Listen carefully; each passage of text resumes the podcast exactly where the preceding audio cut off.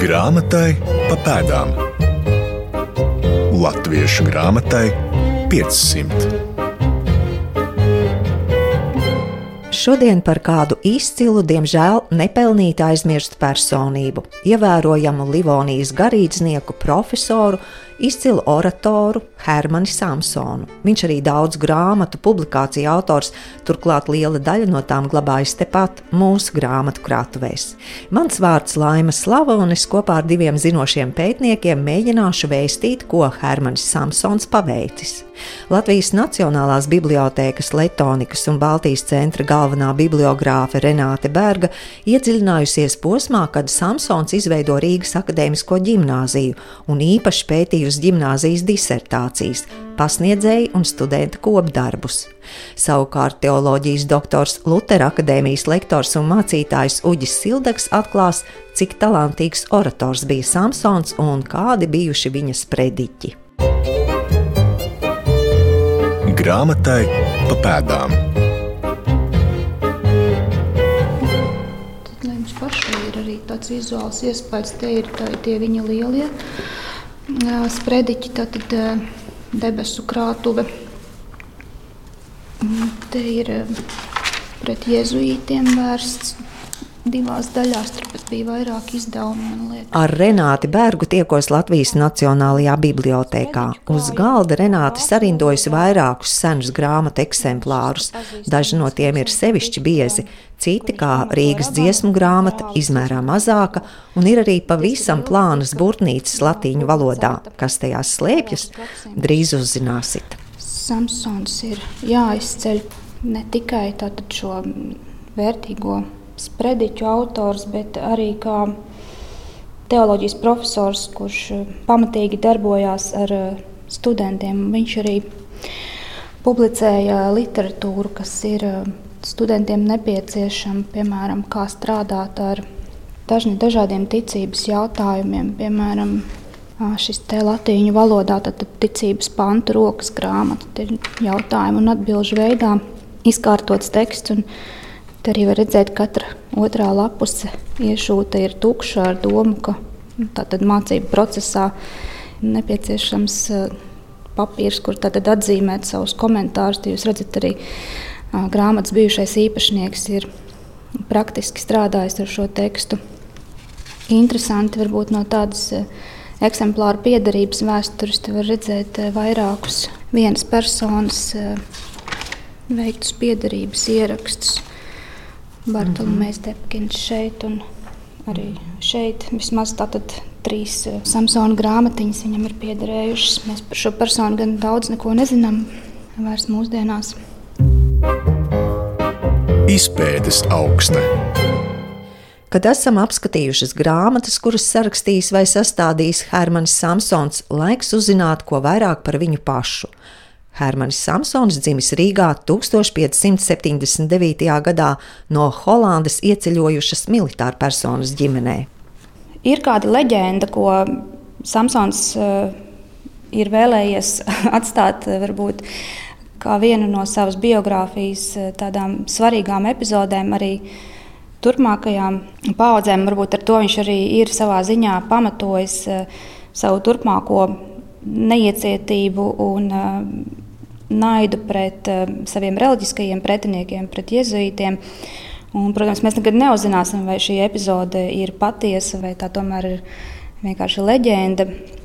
Taču Samsons ir stāstījis, ka viņš ļoti spilgti atcerās uh, tādu notikumu uh, savā bērnībā, kad viņš ir bijis četrus gadus vecs.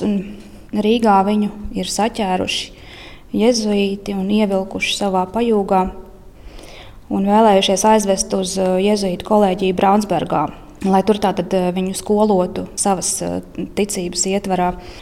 Bet, nu, laimīgā kārtā puisāns tomēr ir izmucis un, un nokļuvis mājās. Un jāsaka, ka šis laiks, kad Samsonam ir četri gadi, tas tiešām sakrīt ar, ar laiku, kad Rīgā ienāk pirmie jēzuīti. Tas ir tad, ap 1583. gadu. Un, nu, tādējādi vismaz daļa patiesības šajā stāstā noteikti ir. Tālāk tā darīja, ka tos bērnus ķēra prom. Nu, tā ir leģenda. To mēs tiešām Nu, arī nepārbaudīsim. Jā. Katrā ziņā tas ir tas, ar ko viņš aizsāk savu vēršanos pret šo gan katoļu ticību, gan pāvestu varu arī kalvinistiem. Viņš to ir tēlojis kā tādu katalizatoru mazliet. Turpinājumā par Samsona izglītību. Tipisks ceļš, kā šādam Rīgas jauneklim izglītoties, bija Rīgas domskola.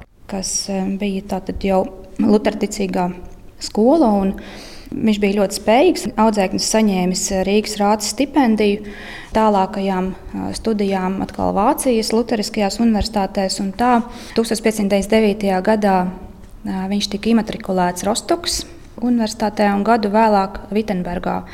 Rostokā viņš padziļināti un pamatīgi apguva latīņu un sengrieķu valodas, bet Vitsenburgā tātad teoloģiju. Rostokā un dažus Vitsenburgā tapušos studiju darbus viņš velta savam mecenātam, Rīgas birģermeistaram Nikolajam Ekam, kā arī citiem atbalstītājiem, Rīgas garīdzniekiem un rātas darbiniekiem. Vācijas bibliotēkas krājumos saglabājušies vismaz seši viņa studiju darbi. Samsona teoloģijas profesors Salamons Gesners, kurš arī tātad dedzīgs antikalvinists un luterāņu teologs, bija ļoti pateicīgs Rīgas rātei par šī jaunā studenta atsūtīšanu uz Vitsenburgu un saskatot viņā tolaik ārkārtīgi perspektīvu studentu un topošo teologu. 25 gadu vecumā, studējot Vitsenburgā, Samsons pieredzēja patiešām īpašu pagodinājumu, jo viņa oratora talants tika novērtēts. Viņam uzticēts teikt runu par godu Mārtiņa Lutera 60. miršanas dienai. Samsonam tika jau tolaik piedāvāts palikt Vācijā, taču viņš vēlējās atgriezties Livonijā. Un šiem studiju gadiem kā es varbūt minēju par Zviedriju, tiem bija ļoti liela loma turpmākajā Samsona biogrāfijā, jo Vācijā viņš izveidoja ciešas attiecības un sakarus ar vairākiem topošajiem Zviedrijas garīdzniekiem un valsts pārvaldes dalībniekiem. Viņu vidū arī pat vēlāko kancleru Akselu Uksenšernu. Hermaņa Samsona darbība ir saistām ar tā sauktajiem Zviedru laikiem Rīgā, un Zviedrijas loma viņa biogrāfijā ir nozīmīga, ko arī vairāk kārt pieminēsim. Grāmatai pa pēdām.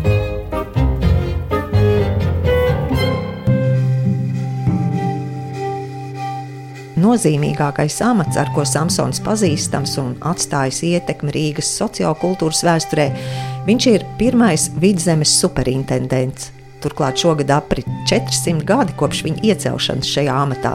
Tiekos ar teoloģijas doktoru Uģi Sildagu, kurš palīdzēs labāk izprast šī amata nozīmīgumu. Tas būtībā ir baznīcas vadītāja apzīmējums, nevis ir arhibīskapa nosaukums, ko mēs šodien pazīstam, superintendents, arī nozīmē to pašu. Tas ir augstākais garīdznieks, bet Lutāņu izpratnē tas ir, tas ir kā pirmais starp līdzīgiem. Tā nav hierarhiska kārtīga, tā ir vairāk tāda autoritātes persona, kuram vairāk uzticās, kā Samsons pilnā mērā attaisno šo vārdu. Un, un kad viņš sāk kā superintendents vidzemē darboties, nu, tad būtībā viņam tā vidzemes baznīca gandrīz pa jaunu ir jāveido, jo tur ir pēc visiem kariem un mēriem ir atlikuši tikai septiņi mācītāji, un, un tie paši divi nomirst, un, un viņam būtībā jāieceļ jāizveido tā baznīca pa jaunu, un viņš savā kalpošanas laikā, kad 70 mācītājus ieceļ pa visu vidzemi, un tiek atjaunotas baznīcas, kas ir grupās, un tiek veidotas skolas pēc tās zviedru demokrātiskākās, nu, mēs lietojam to vārdu, bet, bet tas, protams, neatbilst šodienas demokrātijai. Vairāk tuvāk cilvēkiem centās, kas, kas bieži vien bija pazudis un kas ir nozīmīgi arī latviešiem, kad zemniekiem tiek dotas iespējas arī mācīties un tiek dibinātas skolas, kā Tērbats universitāte, kas latviešiem ir ļoti nozīmīga. Šī paša e, Rīgas doma akadēmiskā ģimnāzija, kas ir ļoti aktīva un dzīvīga vieta un kas sagatavo tos jaunos cilvēkus, kas tagad ies un kalpos cilvēkiem. Bet kas Uģis Sildagu kā pētnieku saist ar laiku, par ko šajā reizē pastiprināti interesējamies? Esmu studējis teoloģiju un tā miglaini tos vēstures faktus esmu apskatījies. Bet ar laiku man šis laikmets ir arvien vairāk, vairāk ievilcis un fascinējis tieši ar to, to dziļumu, Jo no šī laika, no 17. gadsimta, nāk arī visi tie lielie pagriezieni arī latviešu labā, kur nāk uh, glika bībele un manceļas prediķa grāmata un fīrekara dziesmas. Un tas ir ļoti bagāts laiks, un viņš ir tāds īpatnējs, jo viņš nāk ārā no, no poļu zviedru kariem, no lielas izpostīšanas, mēra un, un bada un tam līdzīgas postažas, bet te pašā laikā nāk ar tādu pamatīgumu un dziļumu. Un Hermans Samsons ir savā veidā simbols tam. Man arī šķita simpātiski tas, ka viņš pēc studijām Vitsenburgā un vēl pirms tam, ka viņš vēlējās un atgriezās šeit, Rīgā. Jā, tas ir interesants stāsts. Viņu varētu uzskatīt par tādu Rīgas patriotu, un viņam ir tāds ļoti lojāls attiecības ar rīdziniekiem. Rīdznieki novērtēja viņu, un viņš arī novērtēja Rīgu, un viņam bija uzaicinājumi uz tām Ziemeļvācijas pilsētām. viens pēc otra viņus aicināja par mācītāju. Pirmkārt, viņš jau pēc studijām Vitsenburgā varēja palikt tur par mācītāju, viņa aicināja. Interesanti, ka viņš, viņš bija lojāls un viņš gribēja atgriezties. Kaut arī situācija šeit nebūtu nebija vienkārša un viegla. Tur bija tik daudz izaicinājumu, tik daudz grūtību, kurām viņš gāja pretī, bet viņš to darīja un darīja ar visu sirdi. Vai mēs to mūsdienu izpratnē varam saprast? Viņš bija kā mācītājs konkrētā draudzē un kurā? Jā, pēc atgriešanās Rīgas rāta bija sponsorējis viņa studijas, un viņš atgriezās atpakaļ Rīgā Un tad uzreiz viņš tika ielikts par domskolas inspektoru. Un tā bija tas viņa sākums. Viņš bija tāds mācītājs bez konkrētas vietas, bet tad drīz arī viņu aicināja par domu baznīcas mācītāju, un pēc tam par Pētera baznīcas mācītāju. Arī viņš, nu, tās ir tās centrālās draudzes un tie lielie posteņi, ko viņš ieņēma. Un ir zināms tas, ka viņš ir bijis arī labs orators, un arī noteikti šie sprediķi bija saturā ļoti vērtīgi. Kas ir zināms par šiem sprediķiem? Jā, tie sprediķi ir arī apkopoti un izdoti tādā pamatīgā trīs sējuma sprediķu krājumā, debesu krātuves, vācu valodā. Un, ja kāds pārzina vācu valodu un seno druku, tad es iesaku silti uzmeklējiet un palasiet. Viņi tik eh, labi un brīnišķīgi lasāmi. Kā jūs teicāt, viņš bija orators. Viņš bija ļoti labi klasiski izglītots gan latīņu, grieķu pamattekstos, visos, gan augstajā stilā, gan eh, retorikā. Visas lietas viņam bija pirkstu galos.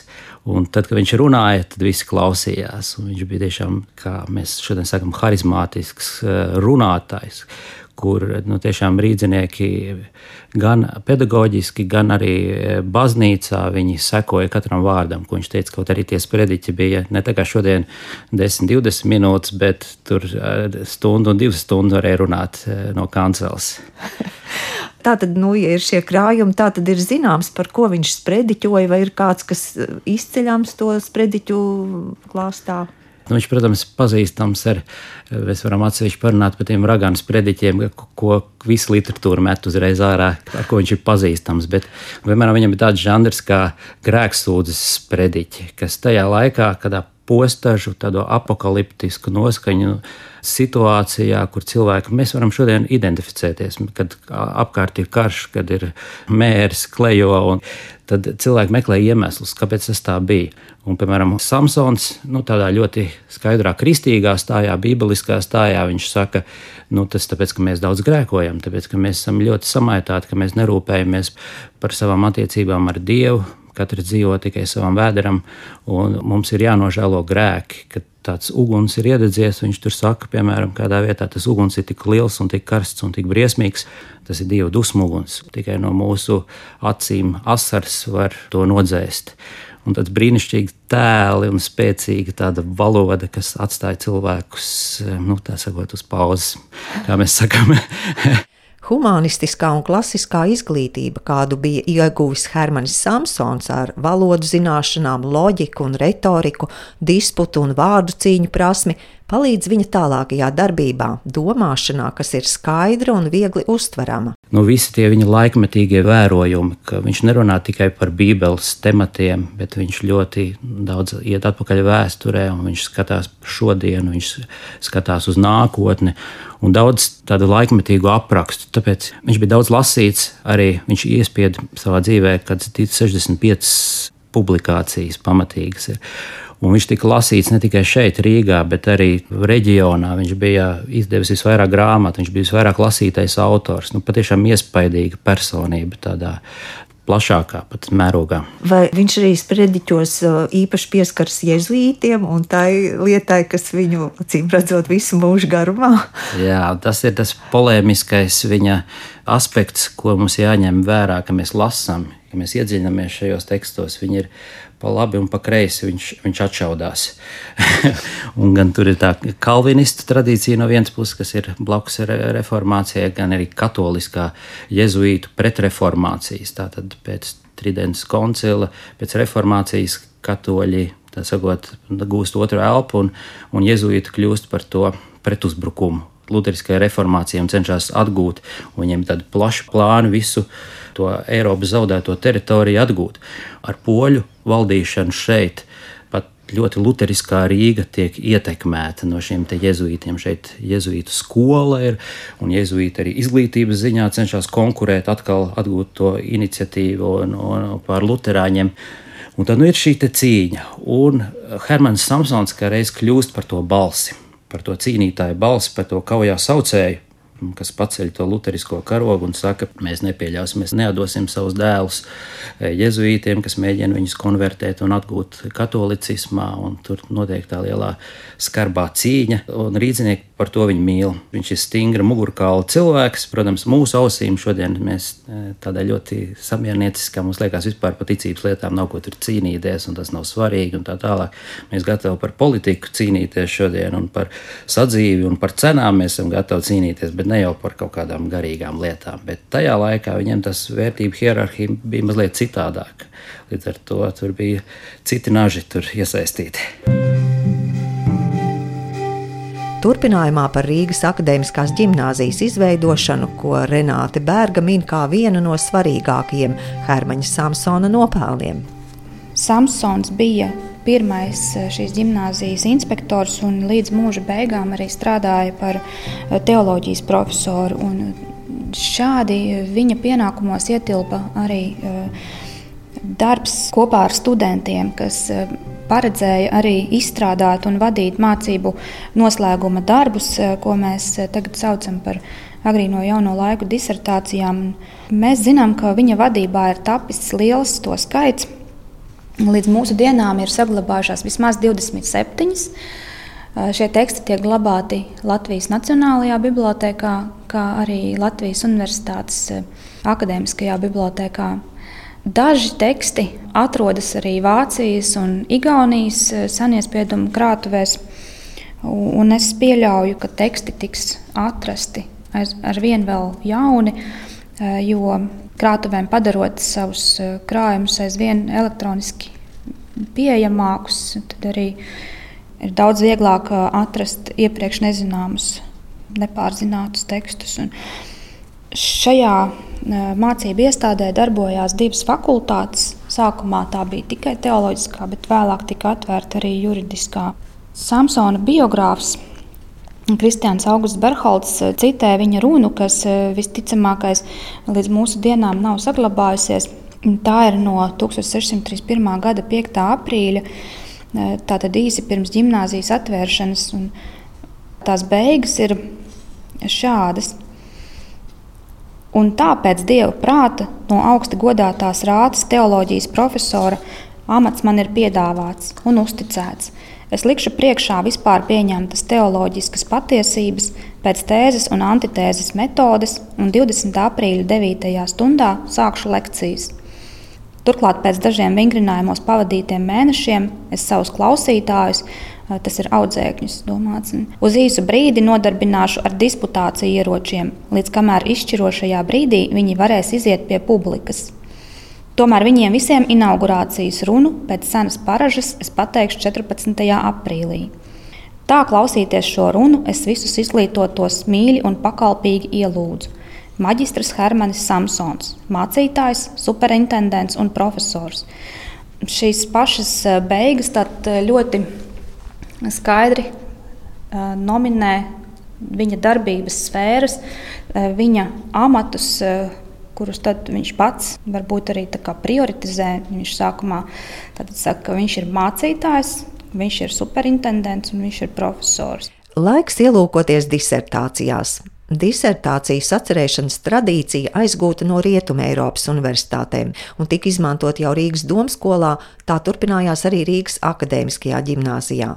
Pateicoties formai un saturiskajam piepildījumam, tie ir aplūkojami kā savdabīga literāra sacerējuma ar kultūra vēsturisku nozīmi. Šie ir tādi audzēkņu mācību darbi, ko mēs mūsdienās saucam par agrīno jauno laiku disertācijām. Tuvāk aplūkosim disertācijas, kas ir nelielas, plānas kā burtnīcas, taču ietver svarīgu informāciju.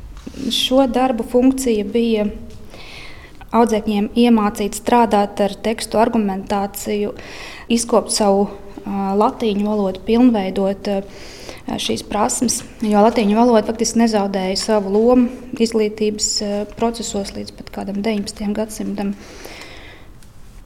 šie sacerējumi, šie mācību darbi, kas tapuši kopā ar studentiem, norāda uz ārkārtīgi plašu teoloģisko interesu spektru.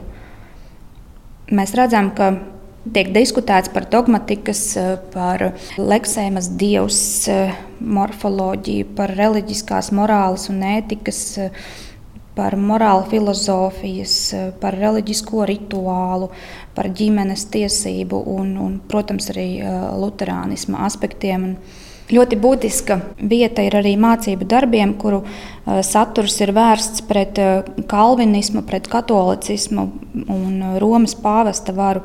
Un šis ir iemesls, kādēļ var teikt, ka polemika ar jēzuītiem turpinājās visu Samsona mūžu. Jo gandrīz katra no, no šīm disertācijām satur tādu pazīstamāko jēzuītu, it īpaši Svētā Roberta Belermīna un arī Tridentas koncila kritiku.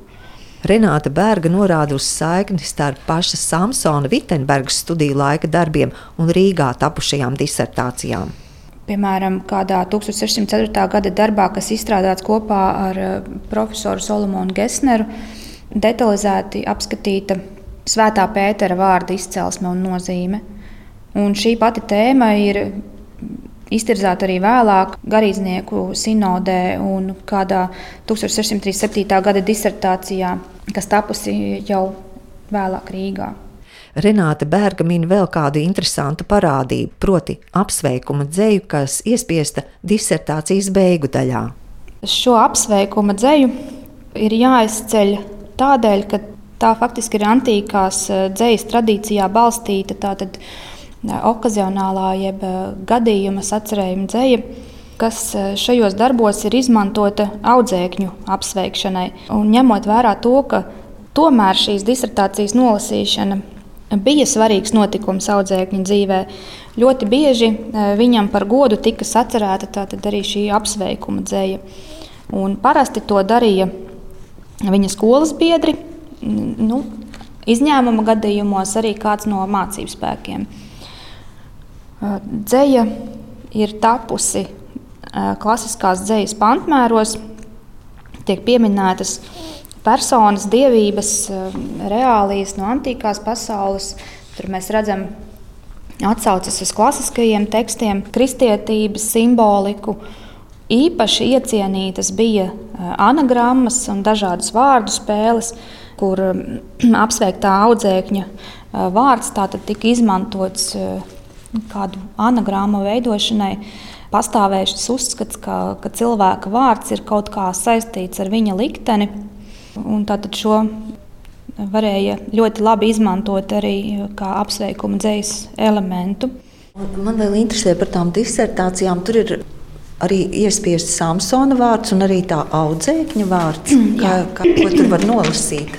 Disertācija titula lapa ir ārkārtīgi pieblīvēta ar informāciju. Tālāk seko teksts, kas var būt sadalīts nodaļās, apakšnodaļās, un tekstu noslēdz secinājumi. Un šī apsveikuma dzēja, ko es minēju, vienmēr ir publicēta beigās.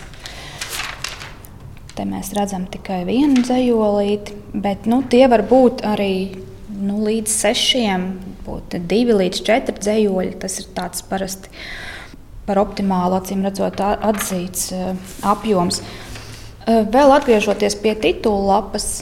Interesanti pētīt disertāciju titula lapas, kur tik daudz informācijas. Darba vadītājs vienmēr ir minēts pirmais, un viņam seko audzēkņa vārds.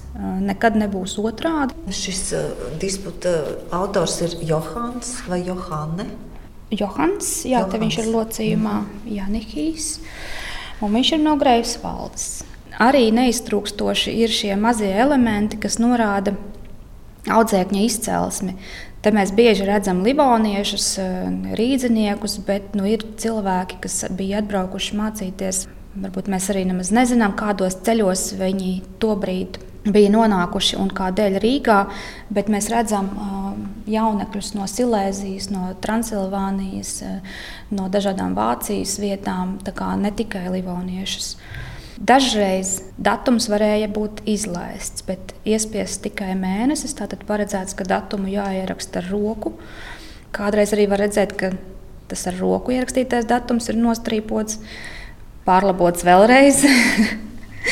Tātad kaut kādu iemeslu dēļ pasākums tika pārcelts.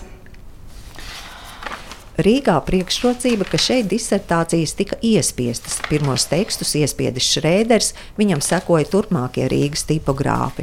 Lai arī tipogrāfiskais noformējums necilst, taču šo tekstu galvenais uzdevums bija saturs un pats svinīgais notikums. Tobrīd netika domāts par tekstu saglabāšanu nākotnē. Tomēr nākamās paudzes kādu no eksemplāriem saglabājušas, nereti pat divus. Ķēniņa vārdā uz Rīgu!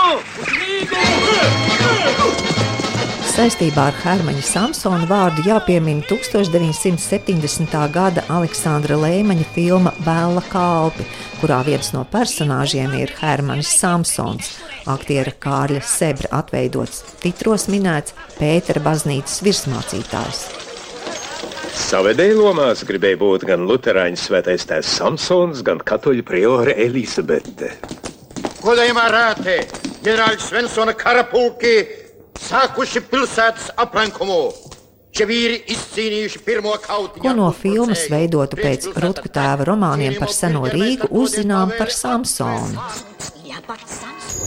Nu jā, tas ļoti neveiksmīgs eh, pagrieziens, kā vispār latvieši iepazinuši ir populārajā tajā iztēlē. Viņš ir ienācis caur šo Rutka tēva darbu un caur to filmu, kas ir vēla kalpa. Un Sebra tēlo to. Sebras, protams, lielisks aktieris, un viņš ir iespiedies visiem atmiņā kā šis te tēls un tāds, tāds, tāds svarīgais tēls, bet ar visiem nepareizajiem uzsvariem un nepareiziem. Nu, tur vienkārši ir sagrozīta vēsture līdz nepazīšanai. Hermanam Samsonam bija sieva, Helēna Hartmana dišciltīga sieva, nevis kā tur attēlots ar, ar prioru, kur viņš ir salaidis un ka viņam ir ārlaulības bērns vai kaut kas tamlīdzīgs. Nu, pilnīgi absurdas lietas, kuras neatbilst nekādai patiesībai, un līdz ar to viņš ir izkariķēts, un nu, tas ir padomju laika arī tā propaganda, kas tiek tajā laikā izplatīta, antiklerikāla, kad viņi taču šajos cilvēkos nekas labs nevarēja būt. Viņi ir smieklīgi, viņi ir tumsonīgi, bet nu, tas ir pilnīgi pretējs tam, ko mēs iepazīstam uh, Hermanu Samsonu, ka ļoti apgaismotu savu laiku, augstu, augstu izglītotu cilvēku, tādu autoritīvu personu. Jūs minējāt, tātad viņam bija sieva, viņiem bija arī bērni, vai kas par to Jā, ir zināms? Astoņi bērni bijuši, bet, diemžēl, tikai četri izdzīvojuši, bet tā dzimta cik es eh, tā ātri uzmetu acis, ir ļoti bijusi ievērojama. Gan eh, Rīgas birģermeistars, man liekas, ja es nemaldos, tas bija viņa dēls. Tad ir tālāk Baltvāciešos ir eh, karavīri un tieslietu eksperti un nu, tādi tiešām svarīgi cilvēki cēlušies no tās dzimtas. Viņa dzimta viņš arī tika iecelts tajā augstākajā kārtā dēļ saviem lielajiem nopelniem, ko viņš ir vidzemes baznīcai devis, ko viņš ir Rīgai izglītībai devis par lielajām cīņām. Eh, Zviedrijas karaliene Kristīne, es nemaldos, iecēla viņu bruņinieku kārtā un eh, deva viņam titulu un pievārdu Himelšķērna, kas ir debesu zvaigzne un tas pievārds arī turpinās iet līdzi tam ne tikai Samsons, bet arī tā debesu zvaigzne. Tas pievārds viņam seko līdzi nākamās paudzēs. Skaists stāsts. Vai arī studentiem mūsdienās tiek stāstīts par šo personību? Jā, es nezinu par citām vietām, bet es esmu cauršķirstījis daudzas grāmatas. Tikko vēl skatījos, tikko pa jaunu izdotā Strauberga Rīgas vēsturē un, un citur. Un kaut kā tas ortodoksijas laiks un tā laika tā baznīcas eh, polēmika un tas kaut kā vēsturniekus viņiem var būt nesaprotami, varbūt tālu visas tās ticības lietas un tas padomju mantojums, kas mēģina attālināties no tā. Tas ir radījis to situāciju, ka ļoti maz informācijas par viņu. Man prieks ir par kādām publikācijām, kas pēdējā laikā ir tapušas par šai sakarā, bet viņš ir nepelnīti aizmirsts. Un, bet, protams, cik, cik es spēju, kā pasniedzējs, es arī stāstu par viņu un cenšos ieinteresēt cilvēkus. Es saku, pētiet, vai, ja jūs protat vācu valodu, izlasiet to sprediķu grāmatu. Tur ir bieži vien tie sprediķi ir daudz labāk nekā mēs dzirdam šodien no kancels. Kaut nedaudz esam iepazinuši mācītāju, superintendentu un teoloģijas profesoru Hermanu Samsonu. Par to mana pateicība šīs dienas sarunu biedriem, teoloģijas doktoram Uģim Sildagam un sen iespiedumu bibliogrāfē Renātei Bergai. Raidījumu padomdevējs kā Allaž Latvijas Nacionālā bibliotēka, producente Santa Lauga, ar skaņu strādāja Nora Mītspapa. No jums atsveicinos es, Laima Slava pēc nedēļas kopā ar Tomu Trēbergu dosieties uz mācītāju, literāta un valodnieka Georga Mānceļa dzimto pusi Tērvetes pagastā. Grāmatai pa pēdām Latviešu grāmatai 500.